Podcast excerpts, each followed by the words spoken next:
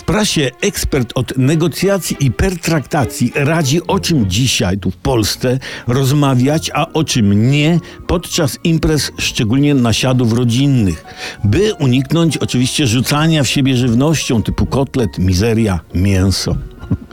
Ekspert przede wszystkim odradza rozmowy o polityce i partii rządzącej i podaje tematy bezpieczne. Ha! Taki niby doświadczony człowiek, oblatany, objeżdżony, negocjator i pertraktator, a nie zdaje sobie sprawy, że w obecnej sytuacji czasu bieżącego, u nas tutaj w kraju, z każdego tematu można u nas zejść na politykę, jak pijany z wąskiej ścieżki obok pastwiska w placek, mało reprezentacyjny, choć dla faktury łąk pożyteczny. Za temat bezpieczny ekspert uznał dzieci i ich umiejętności i osiągnięcia. I jasne. Jasne. W drugim zdaniu ktoś od razu wprowadzi temat reformy edukacji. Patataj, żegnaj klimacie, witaj kotle piekielny.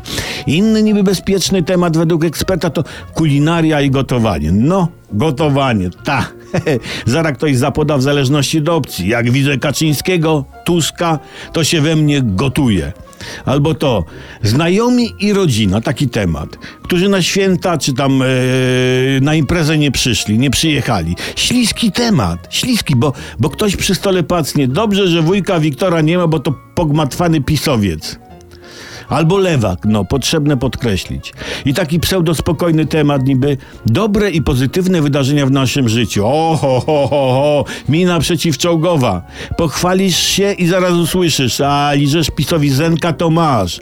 Albo zdrajco sprzedawczyku demokracji. Albo inna opcja, no, no tak, wy tęczowi to macie pełno w tyłku.